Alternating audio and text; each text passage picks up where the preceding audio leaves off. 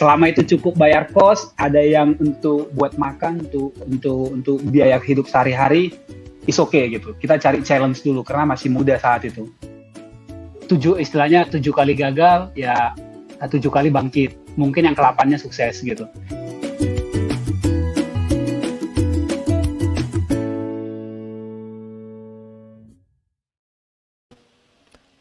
Selamat pagi, selamat siang, dan selamat malam. Selamat datang di podcast Di Atas Gudang bersama saya, Didi Wicaksono.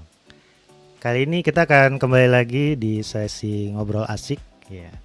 Ngobrolnya santai, narasumbernya asik, dan direkam di dari atas gudang. Dan di topik kali ini kita akan ngobrolin tentang bekerja bekerja dengan misi dan dampak sosial. Wah, topiknya sebenarnya berat banget sih, tapi obrolannya yang penting lebih santai dikit.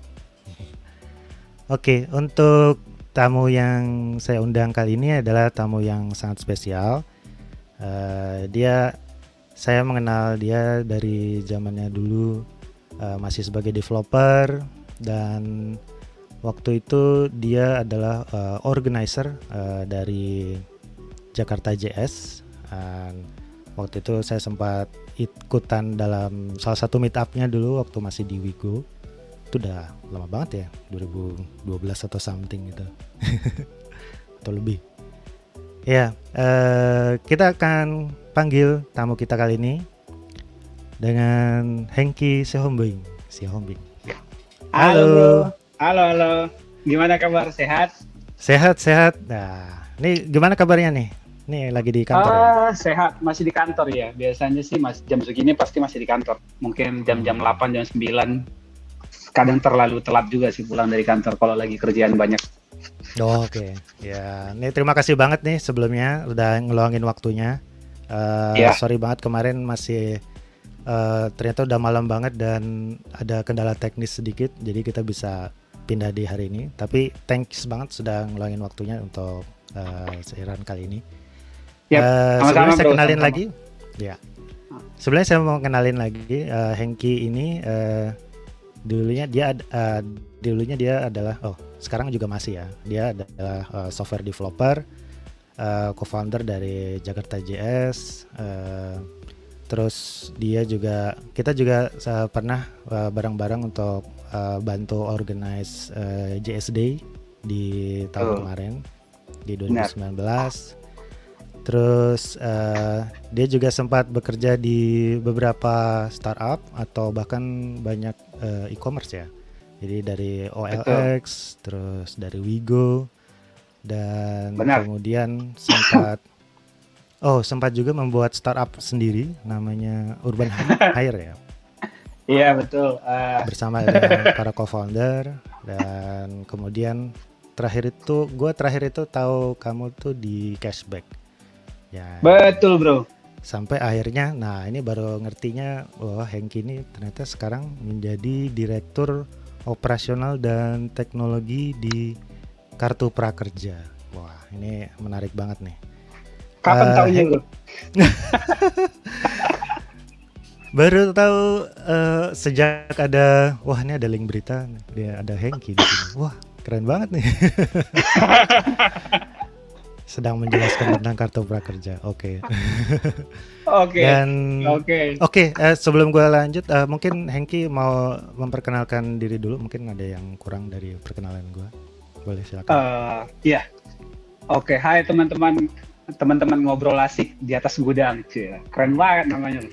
Uh, ya tadi udah kenalin uh, teman gue, Bro Didik. Nama gue Hengki. Uh, terus sekarang kesibukannya itu ngurusin kartu prakerja, uh, biasanya ngurusin operation sama bantuin teknologinya juga. Terus uh, ngelihat ke masa lalu, my backgroundnya itu uh, software engineer juga, software developer, masih ngoding-ngoding lah dulu bikin website simple-simple. Terus juga uh, apa namanya?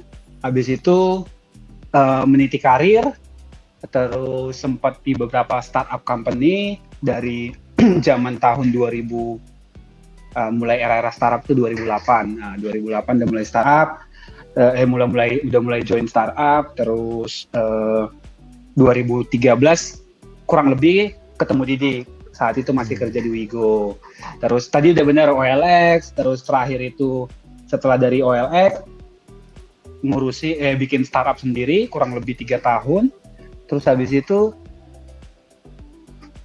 terus habis itu uh, setelah setelah dari Wigo, eh setelah dari bikin startup sendiri, habis itu kalau nggak salah kurang lebih satu tahun setengah jadi switching. Nah itu pertama kalinya switching. Biasanya role itu sampai bikin sampai waktu running company itu software engineer, teknologi lah urus urusannya sama teknologi. Terus habis itu ngurusin produk itu di cashback. uh, terus habis itu by bulan apa ya bulan Maret official join kartu prakerja kurang lebih kayak gitu. Oke, wah, ini lengkap banget ya. Sudah uh, working history ini udah bisa ditaruh di LinkedIn semua nih. Betul bro. Open okay. for hiring gitu kan ya. Open for hiring. Oke, okay, jadi uh, untuk topik kita kali ini kita ngobrolnya ini hmm, sebenarnya topiknya agak berat, tapi kita usahakan ngobrolnya lebih santai aja. Jadi iya, tentang Jadi tentang uh, alasan kita bekerja. Jadi uh, kita itu uh, sering kali dengan ketika kita memutuskan untuk bekerja itu kita punya masing-masing orang punya alasan tersendiri mengapa mereka ingin bergabung kepada sebuah company. Terus uh, ya alasannya uh, tipikal seperti biasa ada berhubungan dengan uang, finansial, terus ada karir, terus ada juga yang uh, ingin bekerja ke sebuah company karena ingin mengembangkan dirinya, terus uh, dan lain sebagainya yang bersifat material dan self development. Tapi ada juga yang ingin bergabung ke sebuah company itu karena misi dari company tersebut, apa yang company tersebut uh, kerjakan dan biasanya itu memiliki dampak sosial yang sangat besar. Nah, di sini kita akan ngobrol dengan santai bagaimana misi-misi pribadi setiap orang itu berubah-ubah seiring dengan waktu. Mulai dari mereka awal mengenal dunia kerja sampai uh, mereka berkeluarga dan akhirnya uh, sampai saat ini, misalnya seperti itu. Oke, hmm. kita uh, untuk diskusi awal ini kita akan ngobrolin tentang masa lalu nih. Jadi kita kembali ke masa lalu. Kita mundur sejenak di mana saat itu uh, mungkin Hengki bisa cerita sedikit uh, pengalaman kamu ketika misalnya baru lulus kuliah dan mencari pekerjaan. Uh, hmm. Masih ingat nggak kira-kira waktu dulu uh, pekerjaan pertama uh, kamu apa dan pekerjaannya sebagai apa? Oke. Hmm. Ya udah. Oke, ceritain. Pertama kali kerja ini kalau kalau di ngomongin official berarti kalau ya konteks kerjanya berarti dapat duit ya, dibayar untuk kerja karena memang ker, apa namanya kita bekerja terus dibayar secara uh, formal gitu. Uh, kalau pertama kali kerja itu dapat duit itu mungkin dengan hasil kerja statusnya adalah karyawan itu di 2000 2007 itu jadi uh, kerja di kampus, jadi asisten lab. Nah itu dibayar. Kenapa waktu itu kenapa di situ adalah ya intinya uh, waktu itu Mas Hengki yang masih sangat muda. Uh, di situ tujuannya adalah uh, mencari kesempatan dan mencari uh, pengalaman bekerja, berorganisasi, working with uh, teman dengan sekitar. Nah, itu adalah dari zaman 2007 udah mulai itu kerja uh, di di lab asisten lab di kampus. Hmm. Terus habis itu 2008 uh, eh, udah semester semester akhir itu ngambil uh, coba apply ke sebuah company. Uh, waktu itu dapat kesempatan itu perusahaan di daerah Jakarta. Terus uh, itu bikinnya ada dua sistem waktu itu. Mereka adalah perusahaan konsultan bikin software itu dulu bikinnya ada dua dua aplikasi yang sempat saya bikin itu working hampir setahun lebih sebelum lulus hmm. itu bikin software ERP uh, pakai PHP loh PHP PHP hmm. bukan Iya. bukan pemberi harapan palsu PHP. Terus PHP habis itu beneran. bikin ya PHP yang beneran, PHP language. Terus yang kedua eh, bikin sistem logistik. Jadi istilahnya kalau logistik itu ya cuman kayak tapi eh, waktu itu end to end lah untuk sebuah logistik company. Mm-mm. untuk yang level-level mungkin dia lebih kayak eh, itu cu- kayak nanti di kalau di dalam official counter dia nge-scan barcode. Terus Hmm. barcode itu di approve ya waktu itu udah barcode scanning barcode di approve habis itu kelihatan trackingnya namanya siapa pak di approve pindah pindah ke jalur mana. Jadi istilahnya pengiriman logistik barang di Indonesia itu kan banyak kayak pindah dari daerah ini ke pindah ke daerah ini. Nah itu di scan barcode-nya tanda Hmm. approval-nya untuk dapat data informasinya gitu terus Hmm. itulah dibikin yang ERP lumayan kompleks lah waktu itu. Cuman bantu sedikit yang ERP tapi proyek utama waktu itu sistem logistik.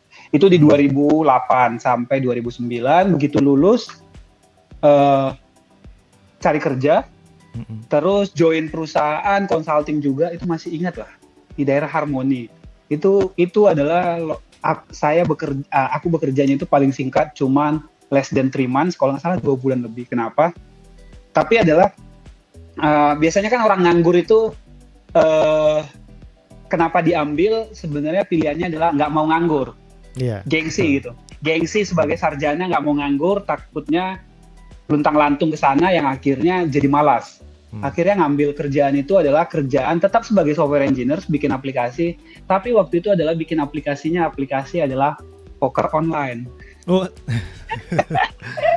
yes bikin aplikasi poker online terus timnya banyak dan waktu itu eh, berpikir adalah oke ambil kesempatan sembari tetap apply ke tempat lain hmm. Jadi ketika itu apply hanya ketika apply ke setiap perusahaan-perusahaan itu eh, kamu biasanya apply sendiri atau biasanya oh lu ada ada teman eh, dekat yang yuk kita apply bareng-bareng gitu supaya nggak Oh, enggak. sendirian gitu. Enggak. dulu dulu dulu itu kayaknya nggak seperti sekarang ya kayak kayak sosial sosial media atau sosial like LinkedIn dan lain-lain dulu mungkin eh, teman-teman juga waktu itu karena waktu itu mereka masih fokus kerja Hmm. terus eh, ya kebanyakan mungkin di zaman itu lulusan dari kampus gue itu paling banyak rata-rata lari ke BUMN Hmm. terus PNS atau banking nah, rata-rata kayak Ah. gitulah kok cari-cari cari-cari corporate Nah, Nah, sementara menarik kalau gue. Hmm. Iya, kalau gue waktu itu milihnya adalah I wanna create software gitu, bukan memaintain software. Hmm. Beda bedanya di situ. Atau ya create website saat itu. Makanya dapat kerjaan yang seperti itu, tapi di sembari ngeplay ngeplay, Hmm. tan- diterima kerja di perusahaan poker itu karena memang dari dari sisi wah ini bikin bikin poker juga nggak benar karena karena ujung-ujungnya itu totally bukan poker untuk main biasa bukan untuk cuman happy tapi memang poker online ya judi online lah gitu. Dan istilahnya nggak nggak nggak setuju eh, dan akhirnya less than dari tiga bulan itu ngajuin resign karena diterima. Nah diterimanya itu itu dulu apply apply masih dari job job portal lah dari job portal. Belum ada LinkedIn waktu itu. Terus uh, terus tapi udah nggak udah nggak upload udah nggak drop CV pakai amplop gitu udah nggak di 2009 dua- 2009 awal ah, pertengahan atau akhir Oke, Habis saya itu- sebelum ke situ, eh, ini kan masa-masa di mana eh, pekerjaan pekerjaan yang banyak eh, untuk software engineer itu kebanyakan adalah pekerjaan di perusahaan swasta. Nah, pernah nggak Hengki eh, mendapat eh, maksudnya anjuran atau mungkin nasihat untuk bergabung ke sebuah instansi pemerintah menjadi PNS dari orang tua atau kerabat seperti itu pernah nggak? dari orang dari orang tua pernah sekali cuman ya aku agak sedikit uh, menentukan masa depanku sendiri gitu. Pas lulus ditawarin PNS di daerah mana ya itu ya? Uh, di daerah pokoknya back to uh, bukan bukan di kota besar kalau nggak salah challenge-nya. Karena ya biasa keluarga bilang ke sini nanti dibantuin sama ini oh, oke satu nggak mau PNS satu nggak mau utang budi sama kerabat Hmm, itu itu gitu. pasti problem itu pra- itu akan problem masa buat masa depan when you uh, misalkan mulai gimana untuk bilangnya? Di- mendapatkan iya. jabatan nanti. ya di saat nanti lo udah menemukan titik di mana somebody will claim is because of me bla bla bla something gitulah Hmm, Dan iya, iya. apalagi kan ini ini ya, masalah kalau misalkan itu dari teman yang nggak terlalu dekat atau nggak ada hubungan family, buat aku mungkin nggak nggak masalah gitu. Tapi ini kalau hubungan keluarga itu kan terlalu terlalu nggak enakan nantinya gitu. Nah, hmm, udah iya, kira-kira kayak gitu. Kalau ditawarin ke PNS ada at the time waktu itu ada, tapi nggak pengen aja. Ya sama juga sih, saya juga sering kali kalau misalkan setiap kali pulang kampung mesti juga ditawarin, kenapa deh kamu nggak mau ikut ke sini gitu. Tapi ya ha. sepertinya semuanya pengalamannya sama-sama aja. Kenapa kenapa kenapa nggak mau jadi PNS bro? Bukannya enak ya? Uh, iya enak ya, ada pensiunan segala macam. Ada pensiunan, nggak mikirin iya. perusahaan akan bangkrut. Uh, uh, betul banget. Cuma kesulitan apa uh, yang menjadi apa titik uh, mengapa saya tidak mau jadi PNS itu adalah uh, pertama upacara. Terus yang kedua yang kedua mesti pakai seragam. Oke. Okay. Enggak sih itu itu itu ini ini candaan aja sih. Apa candaan. ya emang emang biasanya uh, apa uh, ruang lingkup yang saat itu di mana saya sangat passionate itu yaitu web development dan waktu waktu itu sih web designing dan web development itu saat itu belum belum banyak yang ada uh, lowongannya di PNS itu jadi makanya berusaha sendiri itu di perusahaan swasta saat itu adalah alternatif yang paling baik menurut aku kayak gitu sih. Hmm. hmm. Oke, okay, okay. menarik. Ayo kita lanjut lagi ke yeah. Iya. uh, pekerjaan selanjutnya. Tadi terakhir itu sampai di uh, Tadi sampai cerita sampai cerita tentang karir yang awal-awal itu ya. Yeah, Makanya jangan kasih jangan jangan kasih gue nanya nanti gue jadi moderatornya malah. Boleh boleh. Gue jadi ya banyak ditanya nih. Gue suka. nanti oke okay, nanti nanti nanti setelah prakerja nanti gue akan ganti kita gantian dik. Iya oke okay, tadi tadi intinya udah nyampe ke 2019 itu kerja di perusahaan software itu terus habis itu ngeplay ngeplay akhirnya dapatlah itu perusahaan. Kalau aku sih kalau gue bilangnya itu the first startup karena waktu itu memang the founder itu masih muda. Mungkin itu selisih usianya sama gue itu kayak tiga tahun. Ah 2009 uh, eh, kali ya. Tadi dulu bilang 2009 iya oh iya 2009 betul hmm. 2009 ketemu dia dia itu kalau nggak salah perusahaan tetap perusahaan software tapi kan dia itu create website. Terus era-eranya dulu itu 2019 mulai bikin kayak Facebook Facebook iya, campaign, yeah, Facebook. Facebook apps. Nah, hmm. itu challenge uh, challenge banget kan, tantangan banget, menarik banget ngeliatnya. Ini apa sih Facebook hmm. apps gitu. Terus bikin campaign-campaign digital apa namanya kayak quiz-quiz gitu di Facebook gitu-gitu kan. Iya, gue masih Lay ingat itu di mana ah, Facebook itu layoutnya masih kotak-kotak gitu penuh Betul, kotak-kotak. Ada Facebook page bisa ditempelin apps. Nah, itu menarik yeah. banget. Akhirnya apply, diterima. Terus uh, mungkin di saat itu kalau dihitung itu uh, dulu nggak lebih mungkin di itu waktu baru setahun dua tahun ya. Jadi nggak terlalu mikirin yang namanya uh, berapa bayarannya. Selama itu cukup bayar kos ada yang untuk buat makan untuk untuk untuk biaya hidup sehari-hari is okay gitu. Kita cari challenge dulu karena masih muda saat itu. Berarti itu 2009 ya akhirnya masih muda lah dihitung itu masih muda banget. Terus nah di situlah banyak pengalaman mulai belajar nih sama karena memang uh, foundernya ini menarik. Perlu hmm. dimention nggak namanya? Oh boleh kalau okay. boleh sharing. Ya, ya dulu itu nama perusahaannya uh, Aitindo. Nah itu foundernya Kevin Osmond. Hai oh oke. Okay. Oh. ya jadi sering itu di agency juga. Ya? Hmm. Iya dulu dia sama dia terus banyak belajar lah sama dia banyak belajar. Di situ dia itu dulu dia backgroundnya memang developer tapi dia ngerti desain. Dan hmm. dulu waktu itu aku totally nggak ngerti desain dan gara-gara dia itu background kan waktu kerja itu banyak kan bikin sistem, bikin software. Jadi pas masuk ke Itindo itu mulai yang namanya ngerti yang namanya user experience, mm-hmm. terus convert convert design ke ke ke HTML, jadi static page, terus bikin yang namanya responsive cross browser gitu. Kalau dulu kan kalau bikin untuk nah, tahun 2009 dulu, itu sudah cukup advance banget ya konsepnya. Betul, betul. Waktu itu udah kayak gitu. Jadi mereka at least Firefox, Chrome sama uh, Internet Explorer at the time gitu. Hmm. Jadi jadi udah tiga ini kita waktu itu project yang didapat adalah bikin e-commerce. Waktu itu nama websitenya beni.com. Terus ada juga website jualan baju jualan baju anak itu masih era-eranya e-commerce sama Facebook Facebook campaign lah gitu rata-rata hmm. agency kayak gitu kan nah di situlah belajar kurang lebih itu hampir sama satu setengah tahun nah mungkin ah udah kayaknya cari tantangan baru nih gitu. Udah cari tantangan baru tapi keeping touch sama si Kevinnya karena uh, dia banyak membantu banyak belajar banyak diajarin juga yang namanya uh, istilahnya how create product terus juga entrepreneurship sedikit-sedikit. Waktu kalau ada kesempatan dia ngajarin juga. Udah sampai darah itu bahkan sampai sekarang masih keeping touch juga sama dia. Mm-hmm. nah dari situ mulai berja berjalan karir itu mulailah ber berkelana ada sempat kerja sama balik lagi kerja ke software house tapi uh, international company dari Australia itu kerjanya remote hampir setahun terus setelah dari situ pindah ke grupnya uh, anak perusahaannya Jarum itu agency hmm. juga kayak Semut Api yang gitu gitulah MCM yeah. Group lah MCM Group nah itu di situ adalah bikin uh, web nah di situ pertama kalinya mengenal yang namanya website high traffic waktu hmm. itu masih zaman era main top main talk ya dulu Ingat, ya. Ah, ya. main talk. Nah, itu main talk. The, the apa namanya sosial sosial media channel pertama masih di Indonesia. Masih ada loh. Gue barusan ngecek juga. Oh masih ada.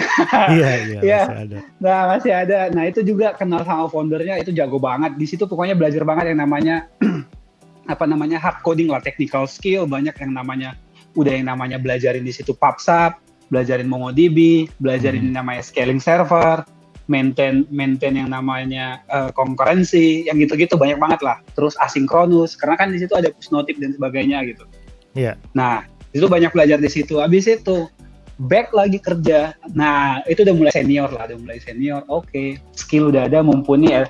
Mungkin waktunya cari duit. Hmm, okay. Jadi ya. yang awalnya sebelumnya itu adalah untuk mencari skill dan ya, sekarang skill. ini adalah mulai untuk uh, berpikir nih apa yang bisa dibantu untuk kebutuhan finansial gitu ya. Iya, betul. Saat itu mulai oke, okay, udah mulai dapat pengalaman, hmm. skill kayak gini, market kayaknya lagi saat saat itu kurang lebih 2012 udah tiga empat tahun hmm. kayaknya ada market lagi lagi high trade ya apa namanya demand untuk engineers itu tinggi banget lah saat itu hmm. nah, mulai cari-cari uh, coba awal-awal udah mulai bilang sama si uh, eh, CTO-nya uh, habis itu saya mau resign gini gini gini habis itu ditanya kenapa resignnya pengen cari tantangan baru aja emang di Mindtalk kurang kata gitu. Kita banyak kok anak sub perusahaan di sini kamu mau ngerjain yang mana? kata gitu. Nggak sih pengen cari suasana baru aja. Terus habis itu akhirnya lah apply apply masuklah ke Wigo. Mm-hmm. di Wigo inilah uh, mulai itu banyak mulai sempat uh, ketemu sama Yordan mulai habis itu pokoknya ketemu benar-benar anak startup.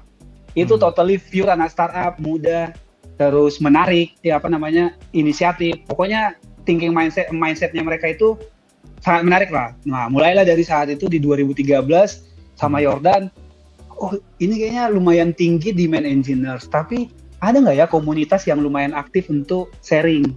Nah awalnya hmm. itu pertama dik itu kenapa awalnya kita kepikiran itu gara-gara Node.js lagi happening. Oh oke. Okay. Iya. Dari situ ya. Hmm. Iya dan gue di Mindtalk itu sempat ngulik-ngulik Node.js karena buat push notifnya. Iya. Yeah. Uh, di situ ngulik-ngulik ngomong sama Yordan, eh ini komunitas Node.js di mana ya? Gue lagi ada problem nih soal masalah yang namanya single thread yang gitu, asinkronus. Gimana sih hmm. manage yang benar gitu. Nah itu menarik. Akhirnya kita bikin komunitas Node.js di Eventbrite. Nah itu kita bikin. Itu shockingnya adalah yang datang sekitar 15 orang kurang lebih. Hmm. Itu meetup pertama. Terus habis itu yang yang datang cuman eksternal itu cuma lima internalnya hmm. adalah Ada orang 10. Wigo iya orang internalnya Wigo orang internalnya 10 Wigo akhirnya kita berpikir wah jangan-jangan memang nggak ada demand nggak ada nggak ada yang peminat Node.js oke okay.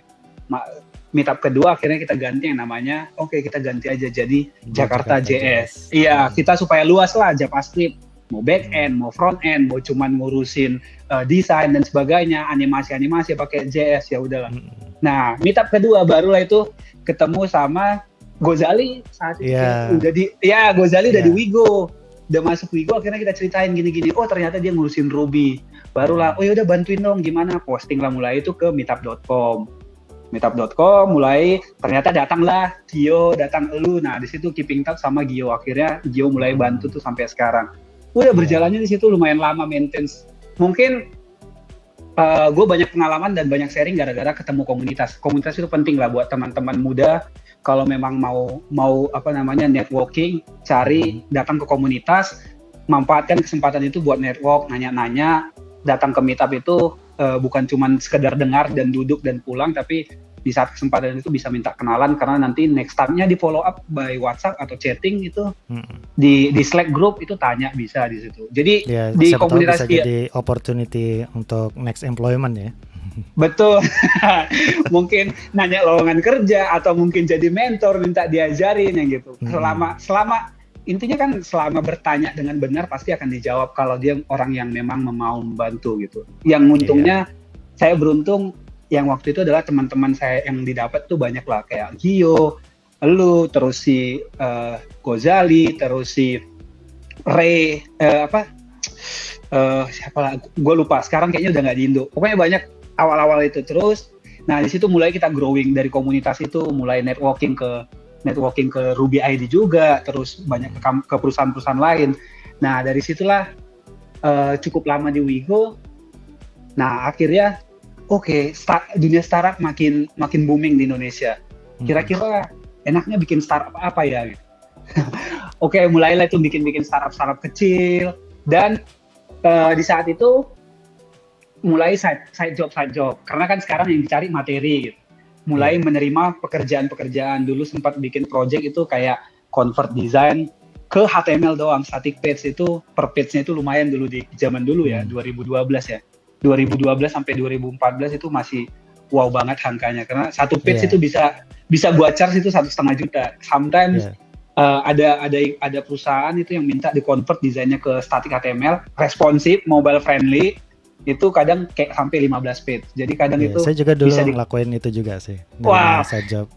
Iya, itu menarik menarik banget yeah, itu, dan Cuman, cara cepat ya. Iya cara cara cepat dapat duit wah itu paling menjanjikan nggak perlu deploy nggak perlu deploy server nggak perlu setup database nggak perlu mikirin down system eh ini kok disubmit gagal error nggak perlu cuman mm -hmm. convert ke design ke convert ke HTML CSS Dari udah so ke HTML CSS betul situ dapat pokoknya di situ banyak dapat duitnya tapi mulai eh, oke okay, mulai pindah ke akhir itu pindah ke startup di dari dari Singapura dia buka perusahaan Indonesia itu Gas Cloud. Hmm. Nah di Gas Cloud itu uh, dia nawarin sebagai teknologi manager dan nggak ada CTO dan yang lain akhirnya acting as a product. Dari situlah mulai belajar bikin produk. Kenapa? Karena memang di, dikasih 100% uh, eh, apa namanya uh, semua eksekusi dari zero dari dari zero itu uh, guanya yang disuruh untuk uh, desain konsep. Waktu itu oh. mau bikin yang kayak kalau sekarang itu eh, sebenarnya idenya itu kalau kalau dilihat-lihat itu dia mau bikin kayak kalau sekarang sosial bus ya di Indonesia. Mm-hmm, mm-hmm. Nah ya, itu mirip-mirip mirip kayak gitu. Mm-hmm. Iya mm. sosial marketing influencer, influencernya followersnya berapa, terus bisa kita bidding untuk dia postingin postingan kita, terus kita bayar berapa. Intinya seperti itu kira-kira nah, bisnisnya. Tapi di, di Gas Cloud ini ini berarti uh, kali pertama lo uh, manage orang atau sebelumnya sudah di Wigo? Oh di di tadi di grup yang si si Jarum sebenarnya udah itu oh. mungkin manage manage tim small lah kayak 3 sampai lima orang. Di Wigo awal-awal enggak tapi kayak sebenarnya uh, di Wigo itu lumayan kayak nggak terlalu struktural sih waktu itu. Dibilang manage hmm. enggak tapi working as a team ya. Tapi indirect report sebenarnya nggak ada. Semua itu kita di Wigo waktu itu report langsung ke Singapura. Hmm. Dan pas pindah ke sini baru iya pas pindah ke sini ke Gastalk baru yang namanya manage team itu mungkin kayak around seven atau to eight lah 8 orang tapi yang bikin dilema itu adalah akhirnya itu very short juga kayaknya di sana ya cuman kayak enam bulan atau tujuh bulan something 8 atau maksimal kayak habis hmm. itu nah di situ pertama kalinya gue implementasi fully Node.js di situ oh jadi yeah. from back end to front end semua iya semuanya di situ cobain uh, uh, hiring tim tim semua yang ngerti JS satu language hmm. programming semuanya gitu itu pertama kali basically sebenarnya projectnya jalan tapi yeah. the CEO-nya itu uh, kadang suka berubah-berubah lah terlalu agile sampai aja hmm. gile gitu oke okay. uh, startup okay. minded ya iya startup mindset yang nggak jelas gitu. Jadi mungkin tipikal yang uh, apa namanya dia pengen perfect dulu konsep dari end to end 100% baru dirilis gitu. Sementara oh. konsep uh, konsep dari guanya ya we are uh, launching first three months kita build idea MPV and then launch and then next iteration gitu kan. Lanjut nanti iterasi berikutnya apa fitur apa. Ternyata sampai enam bulan tujuh bulan projectnya nggak launching launching and hmm. then aku mikir ah ini ngapain ya? Kayaknya kayaknya pusing banget. Setiap minggu itu pasti meeting and then change. Hmm. requirement berubah. Maunya yeah. seperti ini maunya seperti ini. Wow ini kayaknya oke okay, tim orang tujuh orang tiba-tiba OLX approach. OLX approach approach untuk nawarin mereka planning untuk pindah ke Node.js saat itu di 2014 ya 2014 itu mereka nawarin untuk pindah ke sebelumnya Node.js. dia apa teknologinya? PHP PHP ya hmm. pakai pakai Zen something ya hmm, PHP oke. Okay. ya Zen framework terus habis itu ditawarin oke. Okay, lama itu sebenarnya galau. Nggak enak ninggalin tim yang di sini karena 8 orang itu gue yang hiring. Ada ada kayak beban moral lah mereka direkrut tapi ternyata harus ditinggalin. Mungkin CTO-nya kayaknya at the time dia desperate banget nyari yang sedikit expert soal Node.js. Memang waktu itu mungkin dikit banget lah perusahaan yang bikin pakai 2014 itu yang pakai Node.js deploy ke production nggak ada mungkin. Hmm. Sementara gua di gua di Jakarta JS itu selalu jadi uh, promoting .js the best one gitu. Kongkaran iya, bla bla Gua kira ini karena sudut pandang dari apa programmer Ruby dan komunitas Ruby, gue kira orang apa company yang sudah pakai Node.js itu cukup banyak. Soalnya meetingnya apa meet upnya selalu ramai terus ya, 100 200 hmm. orang. Hmm, karena karena kita nyampur di waktu itu. Jadi kan kita oh, gitu. biasa iya meet up meet up Jakarta JS itu biasanya selalu kita strategiin tiga. Hmm. Terus satu front end uh, pasti itu uh, Jakarta uh, JavaScript di front end front end lah jQuery, Angular, React saat itu Vue kayaknya belum waktu-waktu itu. Hmm. Terus habis itu biasanya uh, ada backendnya. Nah itu yeah, biasanya yeah. backend uh, backendnya Node.js. Satu lagi itu biasanya be topik bebas. Mau hmm. itu tentang database lah, tentang apa itu kita open. Tapi rata-rata oh, biasanya itu makanya variatif uh, ya. Hmm. Iya, tapi rata-rata biasanya jadi dua front end, satu back end gitu. Hmm, oke okay, oke. Okay. Nah, okay, nah tujuannya back backend itu udah pasti ya Node.js. Hmm. Nah biasanya ya kita cari lah startup-startup yang mana. Intinya dengan Node.js masalah masalah dia deploy production atau enggak ada beberapa yang deploy production tapi biasanya kita pakai tools-tools yang related sama Node.js. Misalkan dulu itu masih familiar itu Grand, Gal, yeah, belum keren. belum zaman sekarang, belum Webpack, Webpack mas sekarang sekarang itu zaman dulu. Kalau yang dengar Grand itu udah orang tua pasti. Dulu masih uh, ada Yeoman ya, Yeoman. Ah ada ya betul Yeoman. Hmm, Terus saya ini nyoba-nyoba. Betul Yo Yeoman, Grand, Gulp, ya zaman-zaman awal-awal banget itu namanya apa namanya build tools untuk JavaScript gitu. Hmm. Nah balik ke situ akhirnya join lah ke OLX join KOLX uh, basically saat itu gara-gara diberikan tanggung jawab adalah bantu migrate yang saat itu aku nggak perlu nggak nggak ditawarin nggak mau manage team gue cuma mau bantu uh, planning create uh, kasih masukan desain arsitektur waktu itu sama CTO-nya nanti cerita cerita endingnya kita terus okay, okay. nggak punya tim sebulan pertama cuma uh, nanya-nanya ngelihat tentang dua minggu minggu lah dua minggu tiga dua minggu minggu kami itu nanya-nanya tentang uh, oh, OLX seperti apa sembari tetap bantu-bantu ngelihat codingan PHP-nya sedikit-sedikit gitu hmm. karena biar nggak mag magabut juga gitu. tapi akhirnya nggak nyampe dua bulan sejak join CTO-nya dipecat oh, ini plot twist banget ya Iya, CTO-nya CTO-nya dipecat. Aduh, nah, akhirnya okay. akhirnya akhirnya dalam hati what the hell gitu. Gue di hiring untuk uh, planningnya si CTO terus buat ngapain di sini kan segera cari exit plan. Uh, akhirnya ya udahlah teman-teman yang di situ lumayan enak juga orangnya baik. Akhirnya mereka nawarin ya udahlah yang mau nggak mau lo harus ngoding PHP lagi. Oke okay, nggak masalah akhirnya ya udah ngoding PHP gitu ngoding PHP itu hampir setahun lebih lah kalau kurang kurang lebih tidak banyak kan bantu-bantu front end juga hmm. ngoding PHP uh, karena mereka juga akhirnya uh, cuman maintain software, maintain tools yang ada dan mereka planning mindahin framework Zen dan lain-lain ya itu tim core-nya lah yang ngurusin. Kocak lah. Akhirnya banyak magabut lah di situ. Iya banyak maga banyak magabut tapi ya bantu bantuin mereka migrasi lah itu dari PHP dengan tools yang ada dipakai mereka dari Polandia ya dari OLX hmm. OLX Global. Nah di situ itu kalau nggak salah heavy heavy heavy heavy taxnya itu adalah migrasi dari toolsnya yang di Polandia ke situ sampai lembur-lembur lah nginap di kantor dan lain-lain itu kalau nggak salah hmm. dua tiga hari kalau nggak salah. Nah menariknya lagi habis itu di situ karena banyak magabut don't know what to do hmm. akhirnya udah aku udah dari 2013 udah mulai aktif-aktif ikut ikut datang-datang sekali itu di apa namanya startup lokal. Nah, lu kan hmm. itu waktu itu udah udah era-era foundernya lo itu. Dulu apa namanya? Lu startupnya sebelum kok ke di uh, Sedapur dulu namanya. Ah, Sedapur. Hmm. Mulai ikut-ikut, datang-datang ah, apa sih di startup lokal. Nah, ternyata bikin-bikin startup, mulai ikut lah itu gimana kok networking lah. Networking lah di situ, mulai lah kenal yeah. beberapa lah. Mulai dari 2000 pas di OLX bikin apa ya enaknya ya? Oke okay, e-commerce udah banyak. Uh, bikin apa ya tools yang ini ini? Oke okay, menariknya adalah kebetulan waktu itu istri adalah seorang XR backgroundnya. Hmm. akhirnya baru kepikiran oke okay, bikin rekrutmen tools. Oh.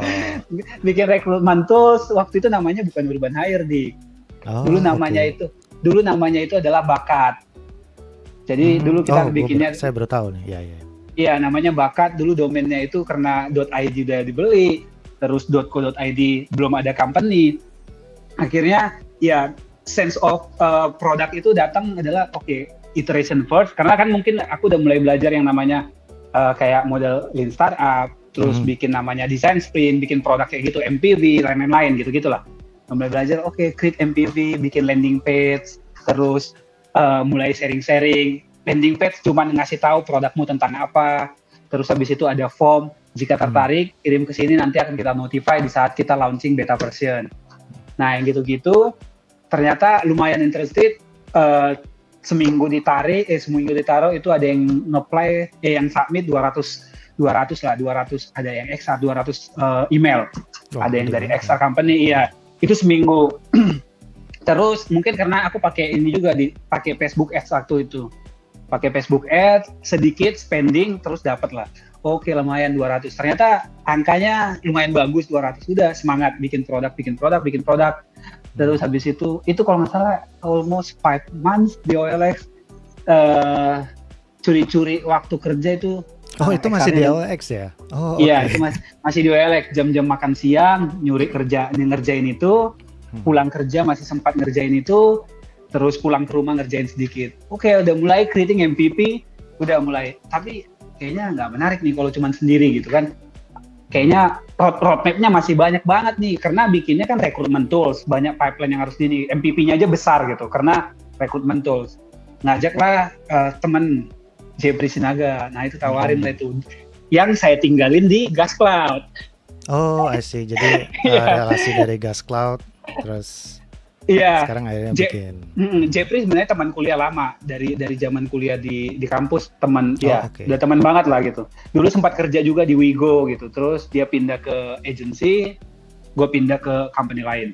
Hmm. Nah balik ke situ lagi. Uh, ini uh, ke setelah itu kenal Jeffrey mulai oh menarik oke okay, bla akhirnya uh, kita launching pertama kali launching ternyata nggak ada yang buka nih nggak ada yang buka. Beda? ya nggak ada yang buka. The first day nggak ada yang buka. Nggak ada yang buka. Kita blast nih yang 200 tadi yang 200 kurang lebih 300 nggak ada yang buka. Oke kita tunggu hari berikutnya. Hari berikutnya ada yang ada yang mulai sign up. Ada yang mulai sign up. Mulai yang sign up 10, 20, 30 habis itu kita follow up di nanya-nanya feedback. Ternyata hmm. uh, karena mereka mindsetnya at the time itu adalah uh, mereka tahunya itu rekrutmen Uh, terus kita sediain kalau mereka posting job, kita sediain satu microsite. Misalkan cookpad.bakat.co gitu. Hmm. Nah, di situlah listing jobnya. Nah, karena kan most likely ini usernya XR, mereka nanya, ini nanti yang user kalian datangnya dari mana? Ya ini bu landingnya. Loh, bukan kayak job street gitu, gini-gini, udah berapa user base-nya kan? Wah, bukan bu, ini recruitment tools. Jadi ibu yang bawa traffic ke ke landing page ini, nanti yang kita jual itu adalah tools manage-nya di dalam untuk hmm. scheduling, penilaian, terus pipeline rekrutmen, siapa yang harus kan biasanya rekrutmen itu ada HRIS ya. Iya. HRIS. Enggak, hmm. iya sebenarnya HRIS nantinya ini kayak sebelum re pas rekrutmen itu kan pasti ada stage-nya kan kayak Hmm. di interview dulu, dijadwalin, Oh, ketemu oke. sama user, ketemu sama XR-nya, approval XR, jadwal interview, psychotest, gitu-gitu Iya. banyak lah pipeline-nya. Nah itu bisa di custom. Itulah dulu cikal bakalnya urban hire, namanya bakat. Udah akhirnya nggak ada yang dapat, nggak ada yang nggak ada yang tertarik dan idenya salah. Akhirnya mulai bikin namanya scrapping. Nah itulah mungkin yang lo tahu karejo.com. Oh, oh iya, pernah pernah. Ya. ya. Nah, karejo.com itu adalah uh, metasearch pertama yang gue bikin. Gue akhirnya scraping 10 J portal. Jobstreet, Jobs ID, Karir.com, banyak lah gue lupa. JobsDB, apalagi 88.com, 88db.com, ada banyak itu job portal di scraping. Ditaruhlah di karejo.com. Oh, Terus kita launching. And itu the first time yang shocking. Wow, lihat Google Analytics. Langsung traffic seharinya visitornya itu 60 ribu deh. hmm. Wow, jomplang jomplang banget. Yang yang di sana yang visit cuma 3 4 hari ini dapat 65 ribu gitu. Naik terus sampai akhirnya 80 100. Oh, menarik nih kayaknya Metasearch menjanjikan gitu. hmm. Akhirnya kita tweaking banyak di situ awalnya. Jadi Menarik kapan bikin eh, kamu apa? Kamu memutuskan untuk akhirnya full time untuk ngurusin ini? memutuskan resign. Oke, resign. Pas resign memutuskan adalah oke, lihat tabungan cukup kayaknya nyari-nyari kerjaan and then create the slide pitching bla bla bla kayaknya menarik trafficnya karejo.com menjanjikan gitu mulailah itu trying to uh, thinking us bahwa ini sesuatu yang bernilai gitu mulailah Hmm. belajar yang namanya business planning, eh, kira-kira dana yang dibutuhkan berapa banyak untuk setahun ke depan, terus gimana generate revenue-nya, gitu-gitu. Terus habis itu tetap dilanjutkan yang namanya bakat tadi, tools Hmm. rekrutmennya gitu. Itu sebenarnya eh, senjata ampuh di belakangnya yang bakal dijual. Kita hanya kamuflase dengan job portal ini tadi, eh, Metasearch. Udah akhirnya eh, resign Oktober, akhirnya I'm lucky, thanks God itu uh, Desember we are close funding. Hmm. Uh, di, di Desember 2000 2015 ya 2015 itu resignnya di Oktober 2015 2015 Desember Desember 2015 itu dapat funding dari uh, salah satu venture capitals Iya. dan kebetulan kebetulan kenal juga networknya waktu waktu mulai kayak gitu kayak gitu akhirnya kontak orangnya Hai eh, ya udah Hai Ron gini gini gini gue lagi bikin startup nih gini gini ya bikin apa lo startup baru gue mau tawarin lo join ke gue atau enggak gitu. Oh, enggak, gue nggak, gue nggak nyari kerjaan, gue nggak nyari kerjaan, Ron. Gue lagi coba trying to create something lah dari gue kan. Oh, bikin apa katanya? Oh, menarik. Hah, ah, oke, udah sampai kayak gitu. Oke, good luck. Heng, gitu. Udah cuman gitu. Bahkan gue kontak dia itu adalah uh, help me to find uh, ini. Gue Ah, butuh dana investor. untuk funding. Iya, I'm looking for money untuk ngerunning di startup gitu. Udah akhirnya kayak, oh, cuma sampai kayak gitu doang. Akhirnya gue gua, gua WhatsApp atau Skype, I don't, I don't remember. Gitu akhirnya kalau nggak salah diingetin, baru sekitar 10 menit baru bilang, Ron, gue butuh funding gitu. Wah, Karena jadi akhirnya- ada miskomunikasi. Iya, enggak sebenarnya mungkin gue yang salah approach gitu kan, cuma Oh. nanya, hey Iron, akhirnya ya udahlah, udah bodo amat, nggak nggak peduli, akhirnya bilang, oke, gue butuh funding loh Ron gitu, oh iya, oh gitu gitu gitu, oh, oke, Eh, ya udah minta email lu, lu, lu gue bakal kenalin sama partner gue kata gitu, partner yang mana? Ini partner yang mana? Akhirnya dikasih lo tau lah namanya visi itu RMKB gitu kan. Nah mulai dari situ kenalan, kenalan sama mereka, approaching lain-lain dan akhirnya hmm, fundraising. Tapi dengan syarat kayak ya itu gue sama Jeffrey akhirnya join ke sana fun Mhm. full time. Eh, Jeffrey saat itu akhirnya resign gara-gara ya memang harus harus harus full time. Tapi saat itu dari dari Oktober ke Desember totally gue nggak nggak nggak nggak kerja sama orang tapi kayaknya bantuin advisor ada perusahaan printer eh perusahaan printing mau mendigitalkan bisnisnya. Nah di Oh, situ aku bantu Ada ini ya, ada side job juga gitu ya. Iya, jadi tapi seba- bukan bukan untuk bikin sesuatu tapi help help this Hmm. company untuk set up the team. Hmm. Bikin timnya siapa, ngebantu rekrut dan sebagainya gitu. Oke, dibayar lah, lumayan lah itu untuk nutupin dapur wa- waktu itu.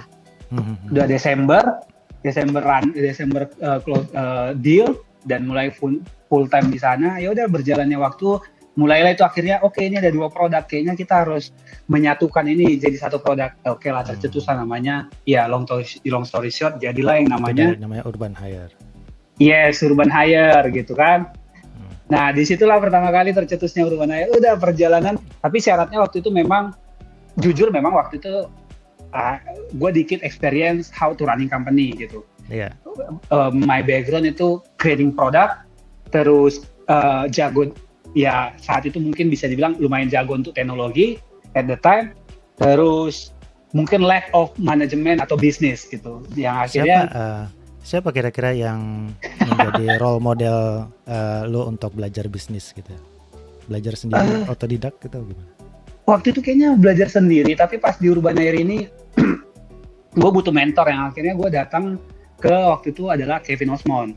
Hmm. Nih nanya gimana gimana sih funding, gimana sih bikin pitch deck, gimana ini kita bikin bisnis seperti ini gitu. Tapi ya uh, kalau dibilang langsung uh, apa namanya intensif untuk coaching, kayaknya banyak kan sama Kevin. Sisanya hmm. mungkin banyak kan reading the book lah ya.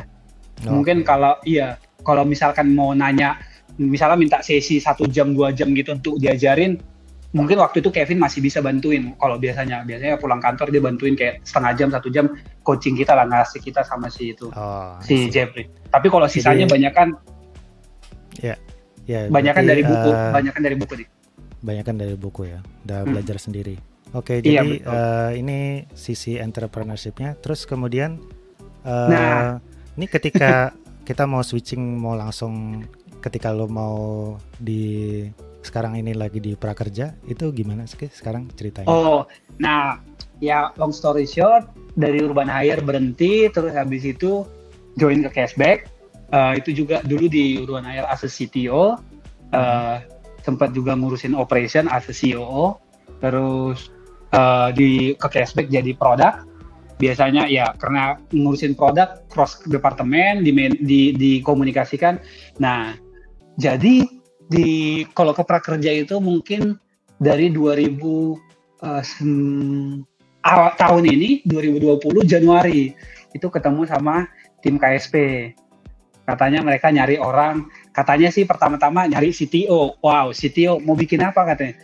Mau bikin website kartu prakerja. Oh, kalau mau bikin website kartu prakerja nggak butuh CTO, cukup software engineer aja kalau mau bikin website kartu prakerja. Jawabannya kayak gitu awal-awal. Terus habis itu, mm, iya tapi kita mungkin butuh di luar itu sih katanya. Jadi akhirnya akhirnya ketemu meeting uh, sama tim timnya dari KSP, dijelasin bisnisnya. Ini bikin apa kartu prakerja? Ingatnya waktu itu uh, di saat itu gue nggak terlalu interest yang namanya politik and government nih. Honestly hmm. speaking, I'm not interested in that.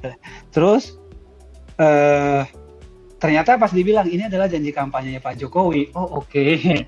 yang mana ya? Ngeliat-lihat, ternyata lihat kampanye ada megang kartu. Oke, ini kartunya di, di dalam hati nih, ini kartunya apa? Kartu fisik atau gimana? Terus ngapain butuh teknologi? Ya just print aja kartu fisik gitu. Print kartu, tulis namanya, udah ini kartu nama sekian ID-nya. You don't need teknologi gitu. Lu nggak butuh CTO untuk untuk kerjaan seperti itu tapi yang menariknya pas dijelasin ternyata ini adalah fully digital end to end. Orang daftar itu juga uh, inisiatif dari orangnya, dari mereka yang datang sendiri ke website untuk daftar, terus ada yang namanya proses verifikasi di website itu sendiri gitu. Terus nanti ada integrasi beli pelatihan juga lewat aplikasi digital gitu-gitu. Dan menariknya lagi, jadi ke pasti ngeliat gambaran, oke okay, beli pelatihan, oh berarti this is like a e-money atau credit card or something gitu. Oh ternyata dikredit kartu digital yang akan menjadi metode pembayaran hmm. di marketplace. Pasti tanya marketplace, oh marketplace apa? Ternyata marketplace kayak Tokopedia dan lain-lain. Oh oke, okay. so integrate with digital platform. Oh menarik. Wah, uh, jadi ternyata nggak sederhana yang dikira ya. Iya betul. Kompleks malah benar gak sih sederhana itu? Terus menarik. Oh what the hell ini? Kok kok bisa siapa kok bisa sih ada kepikiran yang kayak gini gitu? Jadi menariknya adalah oh uh, oke okay, seperti ini. Kompleks ternyata ya. Oke okay, menarik perjalanan siang shot uh, di uh, long story short setelah desain itu dijelasin tentang end to endnya prakerja mungkin nggak seperti yang sekarang terrealisasi sih tapi waktu itu memang cukup interested lah dan belum covid belum saat itu belum covid. Jadi mikirnya oke okay, hmm. terus ini mau di launching kapan? Bu gitu kira-kira waktu itu. Uh, April katanya. What hmm. April. Kita ketemu ini kita ketemu ini Januari gitu. Pikir Februari Maret April. Oke dengan kompleksitas seperti itu. Dalam hati is your dream gitu dalam ya dalam hati is your dream three months gitu terus nanya udah ada timnya belum gitu gitu oh oke okay. ya gue mungkin tahu lah sedikit karena biasanya kan kalau proyek pemerintah itu harus ada lelang hmm. kayak tiga bulan lelang satu bulan paling cepat satu bulan and then bikin tim dua bulan, eh bikin produk dua bulan dengan sekompleksitas itu. Dalam hati cuman bilang, is your dream. cuman nanya, ini harus April, iya katanya. Uh, Pak Jokowi mintanya April kata gitu. Ah, Bu, kalau yang paling mustahil, yang paling doable, ini mungkin adalah Juni dan Juli. Bilangnya kayak gitu. Yang akhirnya, iya mas, gini, gini, gini, gini. Nanti kalau masnya tertarik juga join ke prakerja. Oh oke, okay, nggak menarik kerja sama pemerintah, sorry. Aku bantu dari luar aja. Hmm. I'm willing to help people kalau ada yang punya problem kayak gini. I'm willing to help, tapi jangan bawa gua ke masalah ini gitu. Jadi project project pemerintah, project RI 1 pasti drama politiknya ini. Tapi yang menariknya adalah dik, gue itu tipikal yang tiba-tiba udah nyemplung susah susah balik ke tepian gitu. Sudah awalnya ya. Iya, awalnya nginjakin kaki terus habis itu terus pas dilihat mungkin beberapa pas menganalisa ngelihat ngelihat konsep dari prakurtu prakerja itu banyak lah sisinya yang yang menarik dari social impactnya lah istilahnya ini yang dibantu adalah apa namanya jarang banget proyek pemerintah fully digital satu itu yang kedua adalah ini sangat transparan dan duit negara itu langsung nyampe ke si penerimanya nggak lewat jalur-jalur lain nggak lewat Pak RT dan lain-lain gitu. dan yang menentukan siapa yang lolos itu bukan uh, tim pelaksananya atau bukan uh, kementeriannya, tapi ini fully sistem dan dengan bobot pembobotan sistem dan lain-lain dengan dengan mesin yang menentukan gitu. Nah menarik gitu. Jadi istilahnya uh, berjalannya waktu kok asik ya dengerin dengerin dengerin bantu bantu cuman mm-hmm. ya karena diminta bantu ya bantuin saat itu cuman bantuin kasih advice bahwa oh seperti ini seperti ini gitu dan mulai kecemplung dipanggil lah ke kantor KSP present ke tujuh ke kurang lebih enam atau lima saat itu enam digital platform jelasin konsep konsepnya kartu prakerja itu seperti apa akhirnya uh, orang dari tim KSP ini kan menjelaskan seperti apa konsep hmm. basicnya gitu. Terus untuk merealisasikan dalam bentuk end-to-end integrasi ke digital platform, mereka itu no idea gitu, no clue seperti apa. Nah akhirnya ya udah aku jelasin, gue jelasin tuh di situ sama tujuh digital platform ini seperti ini konsepnya. Udah, tapi saat itu masih sebatas itu, nggak punya fully control yang lain. Perjalanannya seperti itu akhirnya.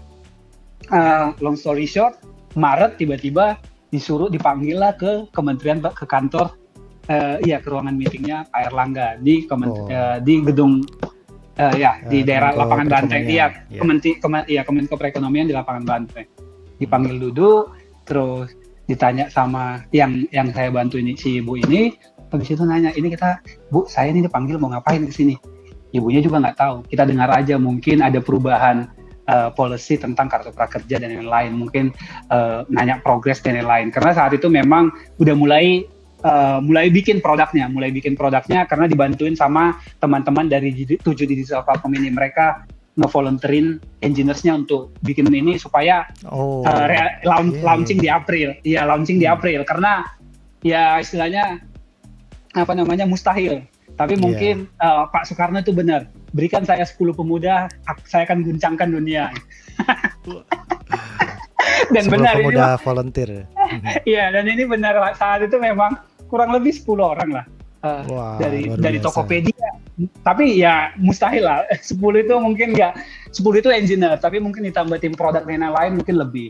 Nah, akhirnya balik ke situ akhirnya pas di ruangan meeting itu dikasih tahu bahwa selamat ini selamat apa ini selamat masuk jurang apa apa gitu.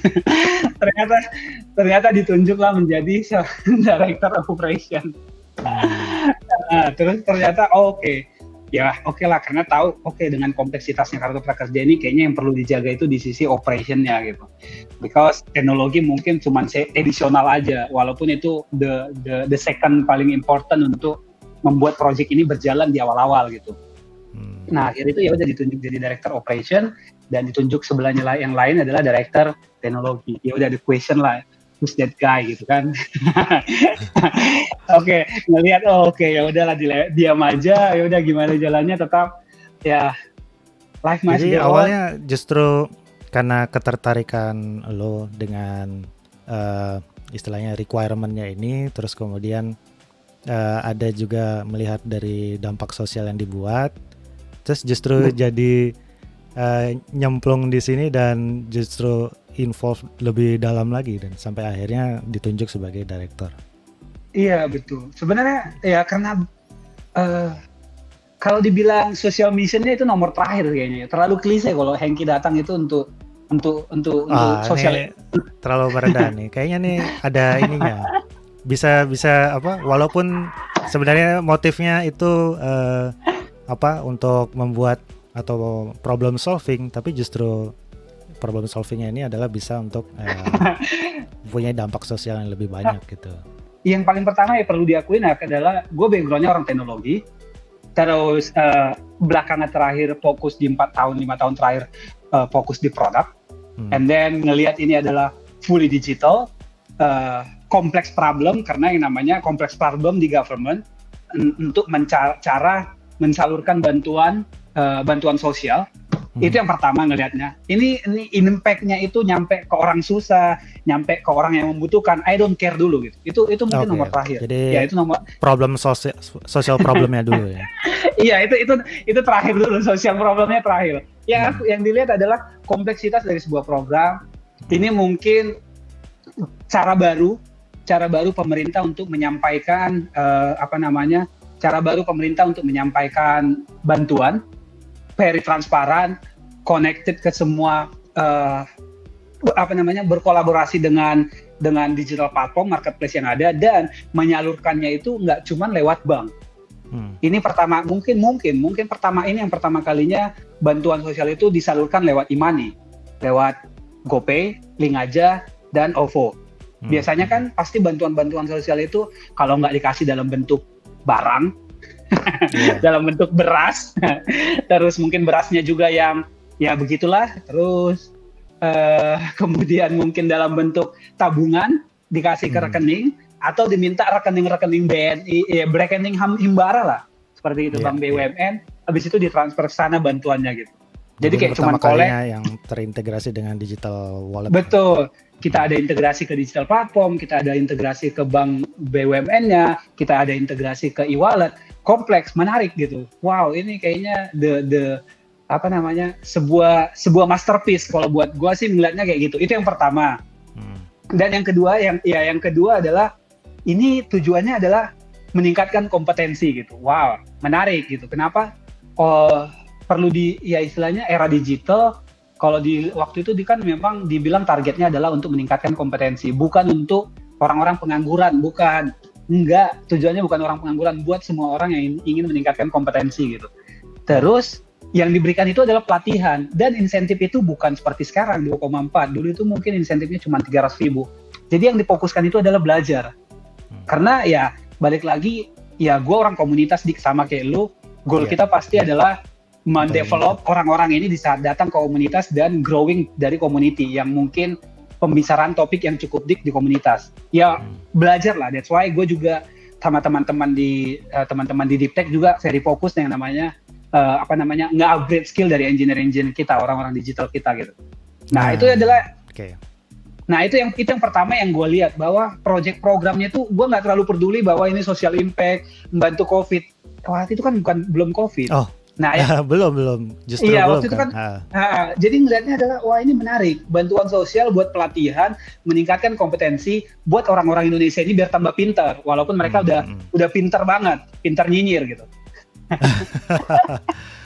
Oke, mungkin aku mau lurusin nih sebelumnya. Jadi yang kau bilang itu social mission itu bukan dalam rangka bantuan sosial gitu, tapi justru uh, mengembangkan komunitas ini juga adalah dampak sosial yang diinginkan juga kan. Iya. Supaya mereka naik level gitu. Dan ah, ah, betul. Bisa kompeten. Iya. nah, alasannya yang menarik ya itu satu yang tadi dibilang kompleksitas, the way pemerintah itu memberikan uh, bantuan, terus targetnya itu awal-awal. Makanya sekarang sih masih gue masih penasaran kalau memang uh, prakerja ini uh, balik ke konsep awal untuk meningkatkan kompetensi sehingga yang kita seleksi itu memang orang-orang yang layak gitu. Gue nggak hmm. mau mem, ibaratnya lu ngasih beasiswa buat orang yang bodoh ya tetap aja akan bakal bodoh sih gitu. Karena ya memang minat dari dari niat belajar dan yang lain juga nggak bakal ya istilahnya udah bodoh niat belajar nggak ada ya nggak bakal pernah pintar gitu. Intinya seperti yang, itu kan yang punya inisiatif untuk terus belajar gitu ya. Betul, karena kalau dilihat kan pelatihannya kayak dikasih duit beasiswa gitu. Wah, waktu itu mungkin kayak 5 juta. Gue langsung berpikir, wow ini menarik banget. Apalagi kalau misalkan bisa pelatihannya itu ya sekelas-kelas kayak ini lagi kayak Coursera, Codecamp, terus uh, apalagi ya di Udemy juga banyak yang bagus-bagus gitu. Kalau dapat pelatihan-pelatihan kayak gitu mungkin ini aku kan ngeliatnya dari komunitas. Kayaknya nanti orang-orang kita akan suruh daftar kartu prakerja mereka akan dapat pelatihan ini dan mereka akan semakin pintar because we need more engineers the good engineers in Indonesia gitu karena era-era yeah. digital gitu. We need nah, it even more sekarang nih. Oh, iya, even more. Sekarang banyak tapi ya goodnya ya kurang gitu. Hmm. Nah, menariknya yang di situ intinya yang kayak gitu dan akhirnya setelah setelah sekarang berubah ternyata jadi COVID ya kalau dilihat sekarang ya akhirnya shiftingnya uh, fokusnya prakerja adalah gimana untuk menyampaikan bantuan ini sesegera mungkin kan. Ya intinya karena ya ini namanya udah balik lagi di balance antara meningkatkan kompetensi dan menyalurkan untuk orang-orang ya. yang terdampak COVID, yang mereka butuh COVID, duit ya. segera. Iya betul. Yang akhirnya ya kayak gitu. Jadi kalau dibilang reason, the big reason why I'm coming to prakerja is bukan soal oh membantu yang lain-lain bentuk enggak ngelihat sebenarnya uh, ini adalah visi apa namanya ide yang terbaik yang nggak tahu ya mungkin karena gue juga terlalu jarang ngikutin pemer ngikutin perkembangan di government. gue nggak tahu ya tahu nggak tahu program-program pemerintah seperti apa yang benar-benar uh, fully digital atau nyampe menyalurkan dananya itu dengan digital end to end gue nggak tahu. Tapi yang yang menarik adalah ngelihat pas awal wah menarik nih konsepnya ya.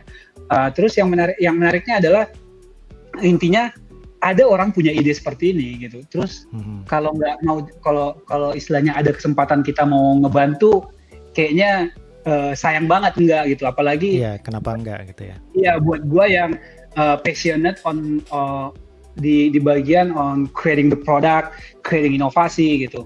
Ini kan sebuah inovasi baru dari pemerintah gitu. Ya, ya yang membuat gua cukup menantang dan menarik. Ya mungkin if this project is uh, uh, maksudnya if this project nggak nggak menurut gue kalau ngelihatnya dengan konteks gue sebagai orang digital, orang teknologi dan orang produk, gue hmm. ngelihatnya if this project uh, fuck up, sorry, kalau project ini uh, nggak nggak nggak nggak tepat sasaran, nggak impactful, ternyata dampak ekonominya atau ini sistem ini bisa dipakai gitu. Hanya masalah yeah, yeah. targeting targeting orangnya gitu. Jadi ya menurut yang menurut gue adalah ya we create the system, yang mungkin ini akan bisa di reuse for the next program lain dengan konsep yang beda, eh de dengan yeah. target yang beda, dengan uh, apa namanya tujuan yang berbeda. Tapi uh, yang yang yang mau di adalah ini adalah konsep dan pengen pengen ditunjukkan bahwa gue dari guanya sendiri apa namanya uh, apa namanya misi pribadi gitu.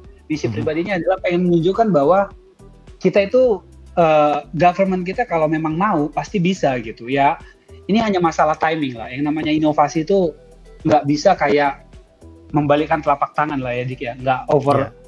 There is there is no such thing as uh, bikin creating creating the product itu like overnight success. Pasti yeah. ada bolong-bolong ya. Yang namanya bikin produk itu pasti ada iterationnya ya. Kira-kira kayak gitu. Kalau dibilang alasan terbesarnya nyemplung di prakerja ya akhirnya seperti itulah sih. ya jadi ibaratnya uh, Semoga dengan sistem ini ini bisa meninggalkan warisan yang sangat bermanfaat untuk the next program dari pemerintah berikutnya gitu ya. Iya. Yes. Oke oke.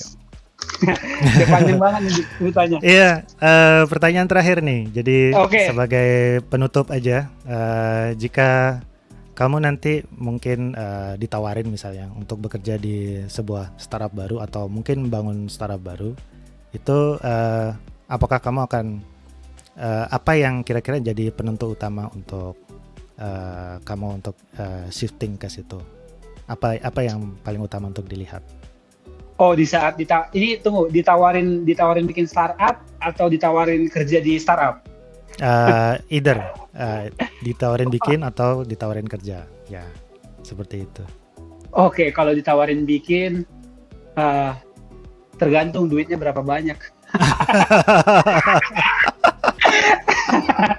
Iya dong, kalau ditawarin yep, yep. bikin, iya ditawarin ditawarin bikin kan berarti kan uh, you wanna create product di ini, ini ini berarti kan istilahnya biasanya kan PC-PC atau konglomerat kan suka kayak gitu kan cari founder untuk ngebikinin bisnisnya mereka.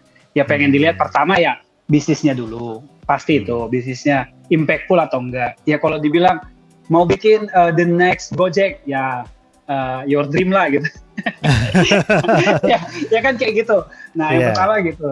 Itu kalau bikin startup, tapi ya mustahil lah itu kayaknya. Kalau bekerja uh, kalau bekerja. Kalau bekerja uh, oke, okay, kasih gua waktu mikir dulu bentar. Uh, oke, okay, yang pertama mungkin uh, challenge ya, Dik ya. Challenge uh, ya. Oke. Okay. Iya klise lah ya mungkin nomor dua ya sama lah dengan yang tadi kartu prakerja iya challenge juga. iya challenge challenge dulu lah nyusul masalah materi mah nomor dua lah gitu tapi kalau hmm. nomor duanya nggak terpenuhi sesuai ya jadi selalu ada ini ya selalu ada apa iya. batasan yang harus dipenuhi dulu. Betul harus ada ya. Ya masa iya kita minta eh, misalnya kita minta 3x terus dikasihnya setengah x. Nggak make sense lah gitu. Misalnya kita hmm. minta 3x dikasih 2x atau satu setengah x ya udah tinggal kita lihat oke okay, balance kerjaan bisnis modelnya janjikan atau enggak gitu. Ya itu enggak enggak. Serius serius. Pertama pasti yang pertama pasti uh, bisnis model ya menantang atau tidak terus challenge apa yang dilakukan kalau misalkan kalau mis uh, kalau misalkan ditunjuk dikasih apa kalau ditawarin lagi uh, they are uh, early startup let's say uh, enggak ini buat kode aja just in case yang mau hiring Henke gitu Iya ini kode kode klis apa namanya kisi-kisi kisi-kisi kalau mau hiring Hengki nextnya gitu. Uh, misalkan ditawarin ya, at least startupnya uh, mungkin up on series E lah. Ya gitu. Hmm. Pertama itu. Jadi sudah Terus, mulai mature ya. Hmm. Iya udah mulai mature. Bukan tahap lagi validation the idea, hmm. nyoba uh, mau ke arah market fit. Justru mungkin gua akan cari yang growth stage, yang levelnya udah di growth stage gitu. Istilahnya udah mikirin mikirin tahap fokus on uh, number lah, number is in in transaction, valu, uh, apa namanya revenue ya, dan sebagainya gitu. Dan mungkin yang lebih tertarik mungkin uh, kayaknya uh, dan mungkin sekarang kan director operation, dulu PP product engineer, uh, terus CTO. Mungkin nggak mau CEO jangan. mungkin Kenapa mungkin enggak gitu? mungkin yang yang lebih yang lebih menarik untuk untuk challenge saya tak balik lagi adalah ke uh, orang tetap sebagai orang produk atau mungkin lebih banyak itu mungkin ya bagian produk atau growth lah di sisi okay. itu mungkin lebih ya yang kayak kayak gitu karena okay. mungkin kalau ditawarin ditawarin jadi back to CTO mungkin ah, kayaknya nggak nggak nggak nggak nendang ya dik ya kalau jadi CTO itu CT itu not not very cool ya kayaknya. Ya, sekarang ya mungkin. Jadi lebih menantang yang ini ya operasional gitu ya. Betul, uh, operasional. Bisnis terutama. Mhm. Betul, manage manage manage people, coordinate people, apa namanya mengorkestra smart smart people di level ba, di level head, di level PP, level PP mungkin di level head, mengorkestra mereka how to make them working together itu lebih uh, apa namanya uh, art, art kerjanya itu lebih berasa di situ sih menurut gua. Hmm, okay. Untuk untuk untuk untuk stage berikutnya ya buat gua ya. Itu kan itu kan harapan ya harapan ya. Walaupun iya, kenyataannya kan walaupun harapan dapat, bisa saja. Hmm. Iya kayak lu aja lah dik sekarang kan. Kenapa lu jadi tiba-tiba jadi CEO gitu? oh, dia sekarang nanya balik ke gua. Iya. Iya iya iya. Ya kalau kalau gua sih ngerasa emang apa sekarang lebih dibutuhkan untuk operationnya daripada CTO-nya. Jadi lebih oh, gitu. lebih ke situ sih. Gitu. ya sudah cukup dulu untuk saat ini. iya betul lah. Mungkin ya awal-awal awal-awal di prakerja juga kayak gitu ya. Mungkin act, act, di sini mungkin gara-gara belakangan khususnya acting as a director operation itu mungkin porsinya cuma 40% kali ya. Khusus untungnya hmm. sejak gue punya tim yang lumayan really good lah ya di level headnya hmm. headnya headnya operation, terus uh, head of uh, strategic, head of engineers-nya juga. Kebetulan sekarang juga manage di prakerja juga ngurusin teknologinya, jadinya di, jadi most likely kayak 50 operation, uh, 50 engi, 50 ke teknologi. Bahkan mungkin 60 sampai 70 kadang seminggu itu mungkin ngurusin teknologi gitu. karena ya memang di operation kalau udah udah beberapa case itu udah kayak bisnis as usual aja lah sekarang gitu. Ya, kalau yang sudah mulai ini ya sudah temukan polanya gitu. Udah ditemukan polanya. Jadi istilahnya acting as director operation mungkin banyak kan lebih kayak uh, biasanya kayak policy-policy tentang data, tentang hmm. uh, randomization, itu mungkin terus masalah uh, buka batch, nutup batch, terus masalah uh, ngurusin ke ke tim partner-partner, uh, ngurusin masalah uh, apa namanya masalah transaction, kenapa gini gitu dan sebagainya gitu. Itu kalau dibilang por, ya porsinya sih sekarang banyak kan udah kayak ngurusin data, ngurusin engineers, karena hmm. mungkin memang I'm lucky have a team yang sangat kompeten mungkin headnya gitu. Jadi ya itu sangat membantu yang akhirnya gue bisa tangan gue yang cuma dua bisa yeah. kayak sip ke ngurusin kayak sekarang kan banyak kan ujung-ujungnya yang terakhir ini kayak planning untuk akhir tahun terus uh, mikirin uh, untuk persiapan di 2021 misalkan uh, batch baru dibuka di 2021 yang gitu-gitu sih. Jadi okay, ya okay. More, most likely role-nya sih sekarang jadi banyak kan di akhir tahun ini banyak kan kayak jadi uh, direktur teknologi gitu karena yang operationnya sangat sangat udah di udah bisnis as lah udah ada tim yang sangat kompeten yang megang itu jadi walaupun masih tetap dimonitoring uh, terus ya menarik lah mudah-mudahan uh, ya banyak orang-orang yang terdampak positif dengan kartu prakerja ya. Oke, terima kasih banget ini uh, Hengki sudah ngobrol panjang juga ini dengan saya. Thank you banget uh, Hengki. Yeah. Ini kita sudah ada sebenarnya ada beberapa orang yang menonton dan kemudian ini ada yang komentar uh, Riza bilang Bang Hengki ditunggu di Meet Up Jakarta JS katanya. ya ya ya. Oke, okay, terlambat 15 menit nggak apa-apa lah ya. Oke, okay, uh. Terima kasih banyak dengan Hengki Siombing. Uh, ada kata-kata penutup yang ingin disampaikan? Oke, mungkin buat teman-teman yang ini khusus ngobrol-ngobrol asik nih.